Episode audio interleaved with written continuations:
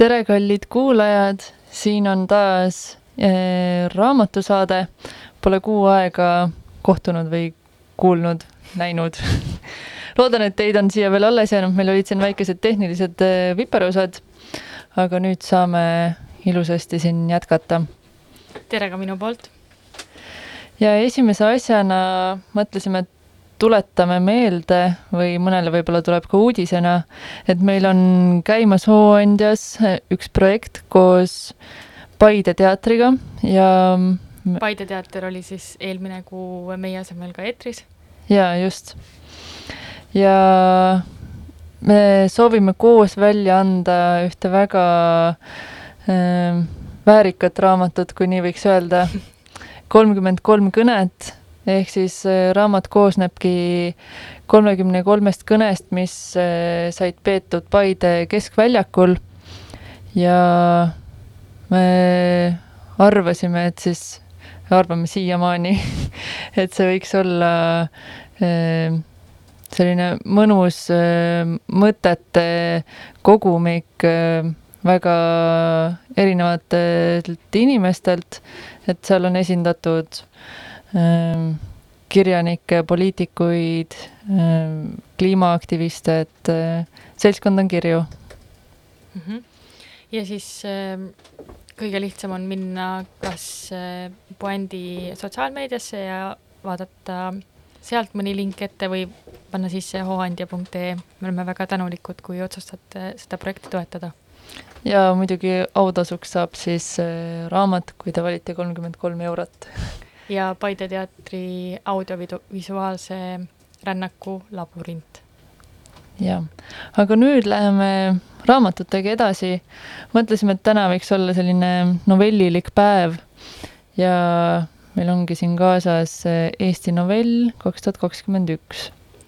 jaa, Eesti novell äh, on nüüd äh, neljandat aastat ilmunud kogumik, kus võt-, võetakse eelmise aasta paremik justkui kokku, et äh, iga aasta on siis äh, seltskond, äh, kes loeb läbi eelmisel aastal ilmunud novellid, tavaliselt siis Vikerkaares, Loomingus, erinevates novellikogumikes, näiteks autorite enda, ainult nende, nende novellidega.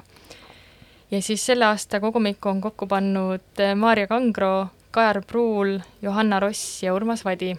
Ja siis äh, kokku sai siia seitseteist eriilmelist teksti ehm,. mulle see kontseptsioon väga meeldib, et kui näiteks on tunne, et kõike ilmub väga palju ja ise ei jõua kõike läbi lugeda, siis siin on juba väärikas valik ja kui mõni autor peaks, peaks rohkem kõnetama, siis saab, saab edasi uurida. et äh, minu jaoks oli siin ka uusi autoreid, äh, näiteks on siin äh, Ilja Prozorov, kellest ma olen varem lugenud, aga ma ei ole tema tekste lugenud. et mingi hetk oli, mul jääb nüüd, jätan võlgu, millises saates, aga Ilja Prozorov ja Aleksandra Abramova käisid rääkimas siis eesti-vene kirjanikest või noortest kirjanikest, kes praegu on jõuliselt areenile tulnud nad mõlemad esindavad seda liini. ja miks mulle Prozorovi tekst väga kuidagi hinge läks, on see, et tema teksti nimi on Apelsinised alleed ja ta käsitleb äh, linnaelu postiljoni vaatenurgast, aga ta kirjeldab seda läbi valguse. Milline on see valgus, mida postiljon näeb, mille ajal tavaliselt meie magame? et siis need apelsinised alleed, suurepärane tekst. ja siit äh, raamatust äh, just enne Triinule kommenteerisin, et äh, avat-, raamat algab Ave Taaveti tekstiga Täispilet ja Ave Taaveti enda novellikogus on see kõige viimane tekst. et tal on siis ava- ja lõpusõna aga see tekst Täispilet mulle endale kohutavalt meeldib. Ave Taavet on minu arust suurepärane jutuvestja nii, nii kirjanikuna kui ka siis äh, kuskil esinedes, et ta suudab nii hästi kõneleda, et äh, ma võiksin teda lihtsalt tunde kuulata.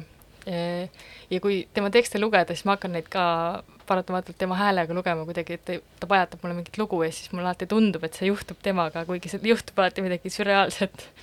et selles samas tekstis on samamoodi, et mina tegelane siis on Moskvas ja enne, kui ta koju tagasi hakkab sõitma, tal on terve päev veel aega veeta ja mõtleb, et kultuurse inimesena külastab ta siis ikkagi muuseume.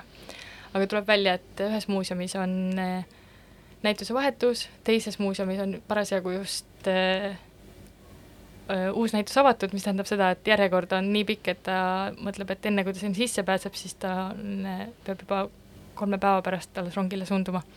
siis ta leiab mingisuguse kummalise keldri äh, muuseumi kuhu ta otsustab äh, siis uudistama minna, aga see osutub äh, saatuslikuks ütleme nii, et seal on nagu pikalt on segane, et mis muuseum see täpselt on, mis asjad on eksponaadid, et nagu kui palju neid vanu sokke ikka võib eksponeerida, et kui igas toas on juba sokid, siis kas natuke nagu läheb liiale või et äkki need on lihtsalt unustatud sinna keldriboksi.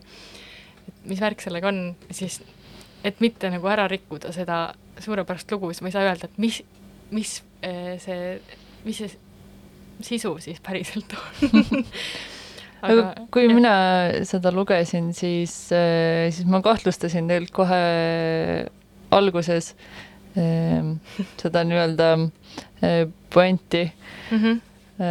aga jah, see on väga vahva lugu ja ma olen sinuga täiesti nõus, et Ave Taavet on täiesti meisterlik sõnaseadja ja selle kogumiku enda kohta veel ka nii palju, et nad panevad iga aasta sisse ka ühe vana teksti, et kui Eesti novell on siis sari sajaks aastaks, nad panevad ühe umbes saja aasta taguse teksti ja siis, et seekord on siis Peet Vallaku Majavaras. see oli päris karm tekst, kui nüüd äh, õigesti mäletan, et, äh, et see tekst räägib siis sellest, et noortel meestel on jagatud sahver, kus siis toitu nagu järjest kaob ja siis üks tüüpidest otsustab äh, varga vahele võtta väga, noh, ta ei tee otseselt selle vargaga midagi, aga ta annab mõista, et mida kõike ta selle vargaga peale hakkab, kui see peaks vahele jääma. ja pärast seda talt kunagi enam toitu ei kao et see on noh, päris selline nagu psü-, psühholoogiliselt karm karm lugu. aga kui ähm, äh, veel lõpetuseks Eesti novelli kohta, siis äh, soovitan väga nii eh, värsket eh, kahe tuhande kahekümne esimese aasta kogumikku kui ka kõiki eelnevaid, et kokku siis eh, neli raamatut väärt kraami.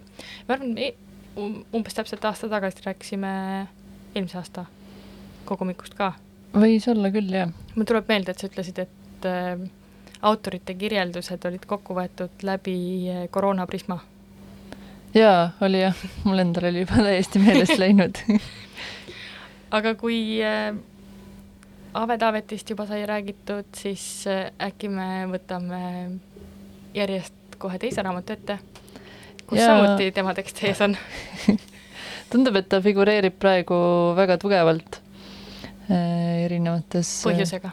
jah, kohtades, aga kunagi sai räägitud, et meil tuleb enda raamat välja või anname, kirjastame oma esimese. äh, ja sellest on juba nüüd mingi kuu-poolteist möödas, kui me oleme oma raamatut saanud käes hoida mm. -hmm. poolteist kuud, jah? jaa, seal need, kes meie tegemistel silma peal on hoidnud, siis kindlasti teavad, et see on Armastust pärast ja teisi lugusid, kuhu on ka siis kokku koondatud mm, novellid, äh, täpsemalt on siis kolmteist novelli ja siin on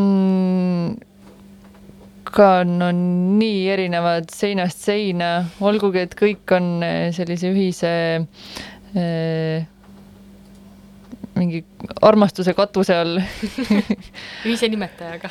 jah, aga mida kõike siis armastusest saab kirjutada ja kui eriilmeline see on. see on päris põnev, et kuidas autorid on sellele lähenenud kas sul on oma lemmiktekst sellest äh, kogumikust? on küll ja see on Ave Taavet no väga hea. klapib, klapib. jaa äh,.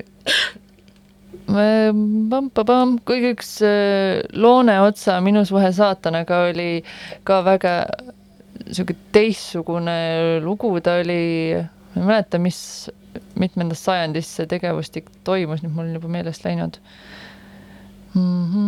äkki oli mingi seitseteist, kaheksateist. mul ei ole täpselt meeles, kas seal alguses oli äh, niimoodi öeldud, aga Kuidagi, seal on noh vihjeid ajastu Mhm. mm -hmm. kohta. ja see õhustik on äh, loodud selline vanaaegne ja keelekasutus ja, ja see keelekasutus vist ongi, mis äh, määras selle kuidagi headuse, et vanaaegne stiil mis iganes see siis täpsemalt ka ei tähendaks. aga mm, jah, need kaks on mul vist siuksed eredamad, mis sul on? no ma ei saa üle ega ümber Maarja Pulveri kohvist, et loo nimi on kohv. ja mulle tohutult meeldib sealt üks seik, ma loen selle ette, et ma mõtlen sellest äh,, sellest äh, kohvi tehes ikka aeg-ajalt nii, siia natukene sirvimise hääli, sest et miks mitte. Triinu, räägi midagi leidsin. väga hea. nii, Maarja Pulveri kohv. kõige parem kohv käib nii. võtad kraanist värsket külma vett, lased seda tavalisse tassi, mitte suurimasse, mitte väikseimasse, et oleks paras. päris täis ei tasu lasta, siis on raskem kallata. kuumutad vett, kuni see on jõudnud seitsmekümne viie kraadini. mõõtmiseks kasuta termomeetrit Ando kasutab metallist termomeetrit, mille ema ostis kunagi liha sisetemperatuuri jaoks. Ando seda liha sisse ei pane. ta kasutab seda ainult kohvivee mõõtmiseks. Kuni vesi läheb kuumaks, võta käsi veski ja kalla sinna kohviube. võid jahvatada korraga terve kolutäie, ainult et siis peab üleliigse pulbri suletud klaasanumasse panema. Andol on selleks tume purk, mille peal on kiri coffee kui oad jahvatatud, võta korraliku suurusega dessertlusikas. Ando lemmikud on need, mille varrel mõlemal poole ääres jookseb selline paelamuster. Need on küllalt suured, aga pole veel supilusikad.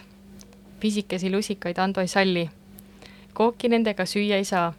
nipsid seda nagu mingi preili ja kohvi mõõtmiseks nad ei kõlba. aga võtta tuleb üks lusikatäis kohvitassi kohta ja siis, see on väga oluline üks lusikatäis kannule. nii et kui teed endale ühe tassi nagu Ando, siis kaks kuhjaga lusikatäit kohvipulbrit. Riputa kohvipulbri peale väikese sõrme ja pöidla vahele võetud imeväike soolakogus, mitte rohkem kui kaks-kolm tera. vala õige temperatuuriga vett kohvipuru peale, nii et see oleks napilt kaetud. loksuta kannu ja pane gaas peale vaata kella pealt, kuni on möödunud kuuskümmend sekundit ja vala kannu ülejäänud vesi. oota veel neli minutit ja keeruta kannu sisu uuesti. nüüd pane alustassile valmis väike espressotass. Kalla sinna nii palju värsket kohvi, et ääreni jääks umbes sentimeet-, umbes pool sentimeetrit. kohvil peaks olema kuldpruun vahukiht. väikest tassi kasutad selleks, et kohv liiga kiiresti ei jahtuks. kui tass tühjaks saab, vala juurde ühel hetkel voolab kannust vaid nire. kohv on otsas. tunned kirvendavat ängi ja tead, et järgmise kohvilaari võib teha alles mitme tunni pärast. See lõpp on väga hingelähedane mulle aga eh, ühesõnaga, see Maarjo Pulveri lugu on üks, mis eh, mind ikka kummitab. aga ka kogumiku nimilugu Armastus pärast. et eh, Katrin Tegova lugu Armastus pärast mängib siis erinevate aegadega ja erinevate, erinevate lugudega, et segab neid, et tütrele ja isa lugu hakkavad segunema ja kuidas meie saatused üldse on põimitud ja kuidas me jõuame tagasi kuhugi kohtadesse, kuhu me ei aimanud või või samas, mis tunduvad nii loogilised, et me otsime ikkagi nagu läbi elu mingisugust äh, eredat hetke oma lapsepõlvest, näiteks lapsepõlvekodu on siin tegelase juures. ja seal on ka mingisuguseid hetki, kus äh, Katrin Tegov on sisse pannud, millest sa ei saa aru eh, loo alguses. et on väga hea novelli üles ehitanud, et seal on nagu mingisugused hetki, kus sa mõtled, et kuidas see isa noorem on kui tütar, aga siis selgub, et see number näitab hoopis midagi muud ja mingid sellised nüansid. mängib väga, hästi? mängib väga hästi. et äh, selles suhtes on äh, väga hästi õnnestunud kogumik teeme endale pai ma olen, ma olen väga uhke selle raamatu üle, ma olen tõesti äh,, ma, kui ma inimestele seda soovitan, siis ma ütlen alati nagu otse ära, et et ma ei saa kunagi seda võtta mingi kõrvaltvaataja pilgu läbi, vaid ma olen selle väga, üle väga uhke, see raamat meeldib mulle, ma olen seda korduvalt lugenud ja ikka meeldib mulle soovitan väga ja aga nüüd äh, paneme natukene muusikat ja siis saate jälle meie hääli ka kuulda. pead sa nii?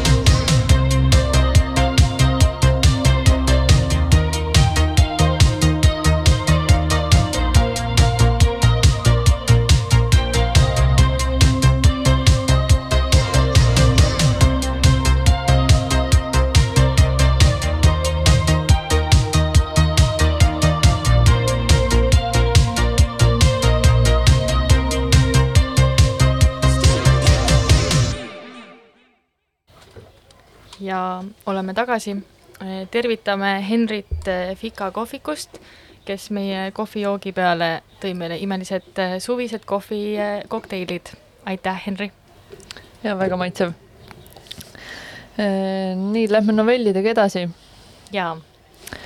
mul on siis kaasa võetud Kätlin Kaldmaa Hundi taltsutamine see on ka novelli kogumik, aga enne veel ma ütlen, et me mõtlesime, et mina, vähemalt mina mõtlesin, et ma nagu olen ju lugenud kogu aeg viimasel ajal, et siis mul oli segadus, et aga mida ma üldse lugenud olen või mida siia saatesse kaasa võtta. aga siis sain aru, et oleme mõlemad Elisega siis lugenud mitte avaldamata asju, käsikirju, ehk siis äh, äh, meie kirjastuse alt loodetavasti tuleb siis Head veel kraami. raamatuid ja raamatuid äh, ja põhiaur on selle peale läinud. aga siiski hundi taltsutamine äh,. see just nüüd ilmus ka päris hiljuti ja Kätlin Kaldmaal on äh, väga südamelähedane või südamelähedased Kreeka ja Island, kus ta on siis päris palju aega veetnud ja tihti kirjutab ka siis nendest kohtadest ja seikadest, olustikest, mis siis nendes kahes kohas aset leiavad. ja siin on ka päris mitmed novellid nendest kohtadest inspireeritud. ja ma tõstaks veel esile selle raamatu kujundust, see on raadios on muidugi alati päris keeruline, et kui tahaks kujundusest rääkida, tahaks näidata, aga ei saa, et siis tuleb sõnadega seda edasi anda.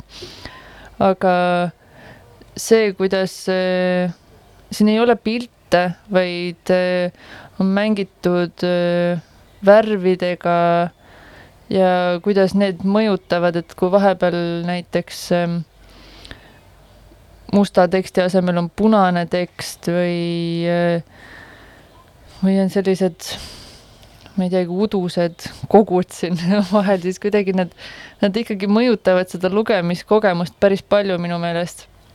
annavad mingisuguseid äh, lisakihte juurde. et äh, see on äh, minu meelest väga äge, et, et viitsitakse ja tahetakse natuke teistmoodi ka mõelda kas see kujundus on seotud kuidagi tekstiga otseselt või sa tundsid, et see, kuidas see on kujundatud, hakkab sinu jaoks nagu teksti muutma? see on otseselt eh, seotud tekstiga tegelikult. Eh, niimoodi näiteks üks väga mõjus on esimene lugu kohe Uppumine järgemööda, eh, kus räägib sellest, kuidas siin on öeldud, et jumalad, võib öelda, et need on äh, inimesed, jumal Taavi aga kuidas äh, siis äh, need jumalad hakkavad uppuma ja need lehed on kujundatud nii, et üleval ääres on noh, tavaline valge ja allapoole läheb järjest tumedaks, ehk siis see annab seda uppumise efekti kuidagi, et kui sa vajud järjest põhja, et siis su maailm läheb järjest tumedamaks mm. -hmm. see on ka väga-väga mõjus ja kas see loo läbi muutub? Äh, ei, nad siin järjest samamoodi. musta ei tule? üleni musta. musta ei tule jah, nad päris ära ei uppunud. Nad pääsesid veel pinnale aga ma tahtsin siit ka ette lugeda. Äh, ma muidugi ei pannud siia seda lipikut vahele, et ilusasti koht üles leida. aga oota, ma vaatan. Kätlin Kaldmaa on ka ise kirjastaja ja tema kirjastuse nimi on Hunt ja raamatu nimi on siis Hundi taltsutamine. et mulle tundub, et lisaks siis sellele, et tal on juba teine raamat siis Islandist ja Kreekast inspireerituna, Teedmine on väga isiklik selline miniatuurikogu äkki või Minu küla Islandil ja Minu küla Kreekas, et siis Kätlinil hakkavad joonistuma välja mingid tugevad mustrid millega teda samastada. et kas, kas see raamatu alguses või lõpus on ka see, et hunt on hunt on hunt? jah, ja ilusasti tehtud. siin on see ka, äh, see raamatu esitlus oli ka meie juures ja siis äh, natukene oma tütrega koos siis avasid ka seda nii-öelda hundi taltsutamist, et äh, kuidas siis ema taltsutab tütart ja, ja tütar taltsutab ema, et mõlemad on üksteise õpetajad mm. -hmm. see, et äh, kuidas kumbagi hunti taltsutada tuleb, et need on nagu eri, erinevad. nii, täitsa lõpp ma neid ei leiagi ülesse või? loe midagi muud. võin midagi muud ka lugeda. Mul on see raamat kodus küll ootel, aga ma tõesti ei ole jõudnud sinna veel sisse piiluda, aga kui ma vaatan praegu, kuidas Triinu seda sirvib, see tõesti on nagu visuaalselt nauditav raamat ka. et isegi siit tagurpidi ja vahemaa tagant eh, kuidagi need tekstiplokid on ka pandud mängima lisaks sellele värvile, värvide gamma muutumisele. Ja nüüd ma vist leidsingi selle üles aga mulle tundub, et see võib-olla on isegi ettelugemiseks natukene liiga pikk, aga ma annan väikese maitse suhu. ma alustan algusest ja jätan kuskil pooleli mm. -hmm. sündis kord lambatall. tal ei olnud aimugi, kes ta on. ta sündis ühele kivisele saarele kus vesi voolas mägedest alla, nagu poleks ta kõrbetest kuulnudki. Ja mustikad kasvasid mäeveerul, nagu poleks need liivastest männimetsadest kuulnudki. ta oli pruunikarva, mis on hea, sest nõndamoodi saab tema villast teha lõnga, mis on värviline, värvimatagi. lambavill ja pardiudusuled. Need kaks on selle saare soojatootjad, toojad udusulepartideks neid kutsutakse, mis siis, et tegelikult on nad hahad ja kevaditi sätivad inimesed neile mere äärde meelituseks pesakohti valmis, kelle maal selle suled. lambatamm, tall oli pruunikarva ja hahapesade juurde tal asja ei olnud.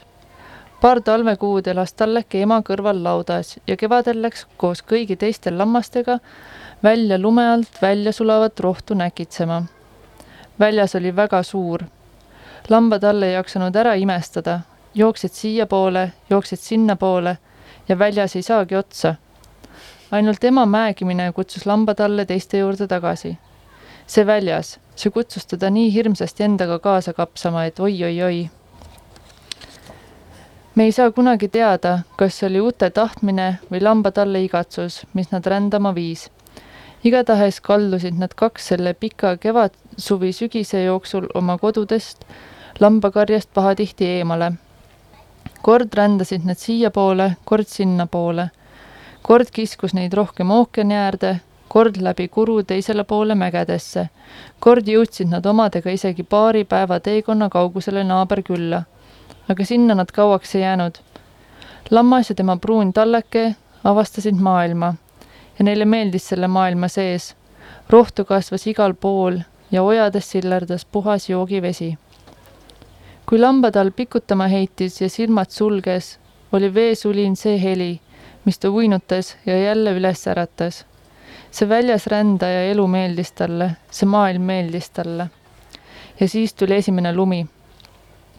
külm lambatallel ei hakanud. vilde seljas oli paks ja veekindel kõige külmemad sügistuuledki ei puhunud sellest läbi. siis tuli teine lumi. lambatall ja tema ema rändasid ikka edasi. Leidsid vaikse koopaava, kus lume sulamist oodata. aega sellega ju läks, aga aega lammastel oli. Nende vill oli juba nii paks, et sellest ei pääsenud enam miski läbi lambatall ja tema ema seda ei teadnud, aga selle aja peale olid ümberkaudsed talumehed oma lambad juba kokku ajanud mitme küla inimesed tulid kokku ja paari päeva jooksul kammiti mäed läbi, hobustel ja hobusteta. Lambad aeti suurtesse aedikutesse ja sorteeriti talunike vahel ära, igale omad. lambatall ja tema ema jäid sorteerimata.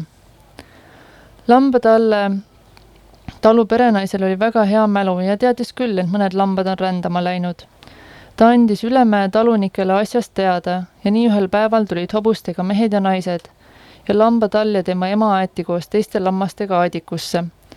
See oli lambatalle jaoks hirmus huvitav, sest ta polnud tükk aega rohkem lambaid näinud kui ainult oma ema. ta mängis ja tahtis kõigiga sõbraks saada. perenaine tuli oma lammastele järele, lambatall ja tema ema viidi tagasi sinna lautta, kus nad kevadel oma teekonda olid alustanud. igal lambal on oma mihklipäev. rändavate lammaste mihklipäev tuleb alati varem kui neil lammastel, kes sõna kuulavad ja kodu lähedal rohtu söövad. Nõnda jõudiski seal samal sügisel kätte lambatalle ema mihklipäev. lambatall seda muidugi ei teadnud, aga tegelikult oleks pidanud see ka tema mihklipäev olema nõnda ei läinud see ka mitte, sest sellesama pruunikarva lambatalle oli üks väike tüdruk kevadel kingiks saanud. tüdruku nimi oli Ülfa, hunt ja ta oli oma lambatallele nimeks pannud Snebjörn, lumekaru. Ülfa oli hirmus rõõmus, et tema lambatall üles oli leitud. ta oli isegi nutnud natuke, kui Snöbjörn suure lambaajamise aegu koju tagasi jõudnud ja kartnud, et polaarrebane on Snöberni suvel kätte saanud. nüüd käis ta peaaegu iga päev oma lamba talle paitamas ja temaga juttu rääkimas. mõnikord tõi Ülva Snöbernile leiba ja see tegi Snöberni meele väga rõõmsaks. lambatal mugis leiba ja võib-olla ta mõtles, et temastki saab kunagi ema. Ma jätan siinpool pooleli, aga see jutt läheb edasi. et äh, see, see lambatall, kes siis oli juba suureks kasvanud ja kellel siis tema mihklipäeva e, õnneks ei tulnud näha, ta pani siis ikkagi jooksu uuesti. ja kuidas e, siis teda ta taga aeti ja otsiti, aga ta suutis ennast nii hästi peita, et ta jäigi loodusesse oma sulisevaid ojakesi nautima ja, ja linnulaulu kuulama ja aga see, see lugu kuidagi, ta annab nii hästi seda Islandi õhustikku edasi või need kirjeldused, mis seal on, et eh, sa kujutad lõpuks ette, et sa oled ise see lambatalleke, kes seal, kes seal ringi jookseb. nii hea oli kuulata sind ja mul tekkis kohe see mõte ka, et, eh, et sina oled ka natuke see lambatall, kellele meeldivad need avarad väljad. Võib-olla see lugu kuidagi mulle mõjuski nii siis. jaa, ma täiesti kujutasin ette, et see, et võib-olla sellepärast see sind ka kõnetas, et see kuidagi see rännuhimu ja tahe avastada. see on midagi sellist, mida ma sinu iseloomustamiseks ütleksin ka. Äh, üks fakt nende lammaste kohta, kes äh, jooksu panevad, et nende vill tõesti kasvab kogu aeg nii palju ja palju et eh, nad lõpuks mattuvad oma selle villakuhja alla lõpuks ära, nii et nad ei saa liigutadagi peaaegu ja siis nad kukuvad ümber. ja siis neil on eh, tegelikult väga kurb eh, lõpp, et nad on seal selili külili ja nad ei saa püsti enam, siis mm -hmm. nad mhm. lihtsalt surevad nälga, nad on endal seal pea ümbert kõik hein, mis saab ära näksida, selle nad näksivad ära, aga nii kaua väga ei, ei pea vastu ja siis mm ja siis on niisugused suured karvapallid on kuskil aasade, noh, nõlvad, kus, kuskil nad on mm., pikutavad. aga võib-olla siis on ikkagi, äh, võib-olla on õndsam, kui kuskil tapamajas minna, ei tea mm. -hmm. Tuleb sellega hiljutine lamba kokkupuude meelde ehm, naasesin hiljuti Hiiumaalt. ja siis see, koht, mida me mõneks päevaks siis koduks nimetasime, eh, selle mitte kohe naaber, aga siis nagu üle aia naaber veel või noh, ülejärgmine, ülejärgmise aia naaber oli äh, lambapidaja. Ja ma käisin õhtul koeraga jalutamas ja üks lammas jooksis äh, siis äh, majast välja aeda ja ehmatas nii väga meie peale jäi vaatama. siis tuli teine ja ehmatas samamoodi. ja siis lõpuks nad seisid rivis äh, üksteise kõrval niimoodi äh, kümnekesi ja vaatasid meid see oli päris selline humoorikas, nad kõik tulid suure jooksuga majast välja, siis järsku sihuke, oh pagan, mingi karvane tegelane on siin vastas ja mu koer ka muidugi midagi nendega peale ei osanud hakata ja jüllitas samamoodi teiselt poolt vastu sellised lahedad tegelased. nii, mõtlesime, et, et siia novellide otsa räägiks natukene ka novelli tekkeloost või natuke novellide ajaloost. Et siis novell kui žanr tekkis neljateistkümnenda sajandi Itaalias ja selle rajaks peetakse Giovanni Boccacciot oma Decameroniga. Elisa mäletas, et tema pidi seda koolis lugema. ei, see oli üks valikutest. üks valikutest oli mm, -hmm. ma ei mäleta, et oleks olnud kohustuslik meil oli, ma ei mäleta, millega koos ta siis valikus oli, nii et oli võimalus võtta mõned, mõned peatükid sealt. Ja kui ma Triinuga täna rääkisin sellest raamatust, siis ma ütlesin, et ahaa, jaa, see on need erootilised novellid, siis Triinu ütles, et mida? aga see on ainus asi, mis mul koolis on meeles sellest, et osad inimesed võtsid suure heameelega just selle raamatust, et seal olid erootilised novellid. Mis on nagu keskkooli ajal võib-olla mitte väga palju lugevatele inimestele oli täpselt selline, et ohohoo, ihihi, nüüd siis, kui pidi sellest koolis rääkima, siis oli see, oh pagan et siis sa pead kuidagi sellest, seda, selle üle arutama, siis see oli suur error ja tegelikult siis seal kõik ei ole erootilised äh, lood äkki ma olen millegagi segi seda? ei, seal ikka on, see on seal mingi osa. jah, jah, mhm. väike osa on, aga see siis koosneb sajast äh, Äh, raamnovellist, mis on tihedalt komponeeritud ja siis äh, põhisündmusele keskendatud, ehk siis ähm, äh, seal on mingi kamp noori vist äh, lähevad kümneks päevaks kuskile ära ja siis need, need kümme, kümme tegelast kõik räägivad äh, siis neid novelle, et igaüks räägib ühel päeval vist mm. -hmm. kuidagi nii oli lugege seda rahu ma mõtlen, et jah, see on äh, selline nagu mingi baasasi, mis võiks olla loetud, aga kui ka midagi on loetud sealt, siis ega ei, ei mäleta ka sellega on jah nii, et mingid asjad, mis, äh, mis on olnud kohustuslikud isegi kui nad on mulle meeldinud või isegi kui ma hiljem nagu avastan, et need on head asjad, siis sel hetkel, kui ma pean neid lugema, siis nad on lihtsalt õudsed. ja muidugi kustutan mälust selle lugemise trauma, sest et lugemine on alati minu jaoks olnud nauding. ja kui keegi käsib mul midagi lugeda, siis see, see rikub seda naudingut mm. -hmm. jah, nõustun. ma olen, mul on siiamaani mingi karupoeg Puhhi trauma algkoolist kui keegi ütleb mulle, et Karupoeg Puhh on ta lemmikraamat, siis mul lihtsalt tulevad vastikuse judinad ainult siis ma mäletan, et see oli minu jaoks nii igav ja siis ma pidin seda lugema ja see ei läinud edasi ja ma arvan, et see on ainus raamat, mida ma algkoolis valetasin, et ma lugesin läbi. sest nagu mu kohustustunne ei lubanud sellist asja valetada, mul olid alati kõik need kohustusliku kirjanduse kontrolltööd ette ära tehtud, meil oli võimalus nii teha, et kui sa lugesid läbi, siis sa võisid kohe ära teha, et sa ei pidanud ootama, kui teised mm. järgi jõuavad sa võisid kohe selle ära teha. siis karupoeg puh, oh. aga novellist veel siis, et äh, äh, novelli struktuurist võib-olla siis natukene, et äh, on lühike äh,, siis on niisugune keskmine sõnade arv on ka tegelikult ette antud, ma seda enne ei teadnud, aga nüüd lugesin, et see on äh, siis keskmiselt tuhat kuni kaheksa tuhat sõna mm. -hmm. et võiks sinna raamidesse enam-vähem jääda aga siis on ähm, ühe erakordse, ent tõesti sündinud juhtumise esitamine, mis seal noh, nüüdseks on see juba arenenud nii palju, et seda vist ei jälgita, no see on mingid mm -hmm. algsed nagu äh, mingid punktid, millest hoiti kinni. tegevuse äh, või siis sündmusel peab olema range ühtsus, et mingeid äh, lõtvu kõrvalepisoode ei äh,, ei ole tarvis sinna. Pole, pole ei, aegagi selleks. ei mahu sinna sisse ära.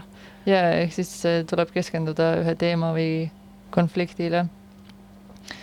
vähe tegel-, äh, tegelasi, samamoodi, et siis äh, kõrvaltegelasi väga ei tasu juurde tuua ja, ja kujutuse intensiivsus, tihedus ja üldistusjõud peab olema hea ja igal struktuuri elemendil on äh, suurem tähenduslik koormus kui siis pikemates proosatekstides. ja tõesti, et kõik, iga sõna, iga asi, mis sa sisse tood, et see peab äh, olema tähendusega, põhjusega ja, ja ei saa üle ega ümber sellest, et lõpus peab olema puänt. nagu alati meil peab ikka lõpus puänt olema ja aga ma arvan, et novell on vist nagu, muutub järjest populaarsemaks, mulle tundub, et inimesed aina enam julgevad seda lugeda. Äh, enda põhjal ka võin seda väita, et äh, ma arvan, et kolm-neli aastat tagasi ma vist väga novelližanri poole ei vaadanud, aga nüüd see on pigem just meelepärane mm. -hmm mind täitsa üllatas, et ma mingi hetk lugesin selle kohta, et miks inimesed äh, novelle pelgavad. see oli mingisugune artikkel kuskil, hästi äh, usaldusväärne, kuskil oli üks artikkel ja siis seal rääkis äh, sellest, et äh, miks inimesed siis novelle ei loe, on põhjusega, et äh, see nõuab liiga palju süvenemist. ehk siis see tundub nagu veider, et romaan ju on ajamahukam ja selles suhtes nõuab rohkem äh, tähelepanu, aga seal on äh, see erinevus, et novellis sa pead kogu aeg uute tegelastega harjuma ja meelde jätma, et nagu kes, kus, mida. ja romaanis sul on juba nagu mingisugune, mingisugune eelpilt loodud ja siis sa nagu justkui nagu kulged edasi selles loos. et ta on aja äh, viide selles mõttes, et sa nagu noh, viidad ka aega ja loed nagu mingit asja ja kuidagi nagu kulged nende tegelastega koos, juba nagu mingi aimad, mis sealt võiks nagu tulla, aga novellis on nagu nii palju ootamatusi, et ta väsitab lugejat või no, hoiab erksana noh, oleks see positiivne pool sellest mm. -hmm. mind ka üllatas see, et ma ei olnud kunagi niipidi mõelnud. ma just mõtlesin vastupidi, et see on kuidagi mm. lihtsam, et sulle antakse niisugune äh, nagu sul on kergem kontsentraat jah, ja sul on ka, kui sulle ei meeldi, siis on lihtsam pooleli jätta, siis sa võtad lihtsalt järgmise novelli. see push, nagu push ida mingit asja, mis sulle ei meeldi, et see, see ka rikub seda lugemise naudingut nii tugevalt. jaa, aga utsitame ikka kõiki novelle lugema, sest see on, see on täiesti teine kogemus minu meelest mm. -hmm. värskendav on. Ehm, meil on nüüd valmis pandud kaks lugu, aga ma tahaks kahe sõnaga mainida, natuke rohkemate sõnadega, ühte raamatut, mis mul on hetkel veel pooleli, aga mis äh, nagu ka novellid on midagi sellist, mis äh, näiteks minu lugemiskapi peal tihti ei seisa, on naljaraamatud. nagu ma ei, mulle meeldib tume kirjandus, mulle meeldivad tõsised teemad ja siis nagu mingid asjad, mis peaksid naljakad olema, ei ole mu jaoks võib-olla naljakad, sest et ma kuidagi lähenen võib-olla neile liiga tõsiselt, ma ei tea, mis sellega on. aga ühesõnaga, ma loen sellist raamatut nagu Furiously Happy, Jenny Lawsoni teine teos ja see on tema elu põhjal. tegu on siis inimesega, kellel on kliiniline depressioon, ärevushäired, unehäired, tal on tal on siis noh, jackpot igasugustest erinevatest halbadest asjadest, mis sa võid endale külge saada ja siis tal on need.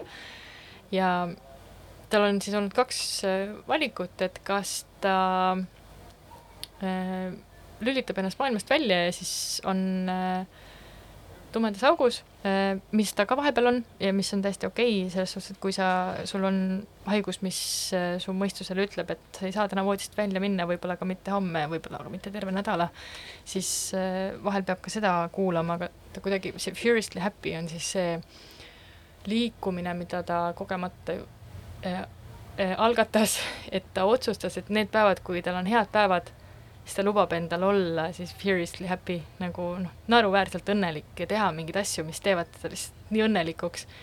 et ta toob siin erinevaid näiteid, näiteks et äh, mida ta siis teinud on, on läinud äh,, Videvik on eesti keeles selle raamatu saaga nimi, läks selle raamatu äh, film, noh, läks selle filmi esilinastusele mingisuguse hundi kasukaga ja siis juures oli silt, et Team Jacob. Mingid asjad, mida ta muidu nagu ei teeks, aga siis ta mõtleb, et ah, fuck it. vahet ei ole, nagu üks elu.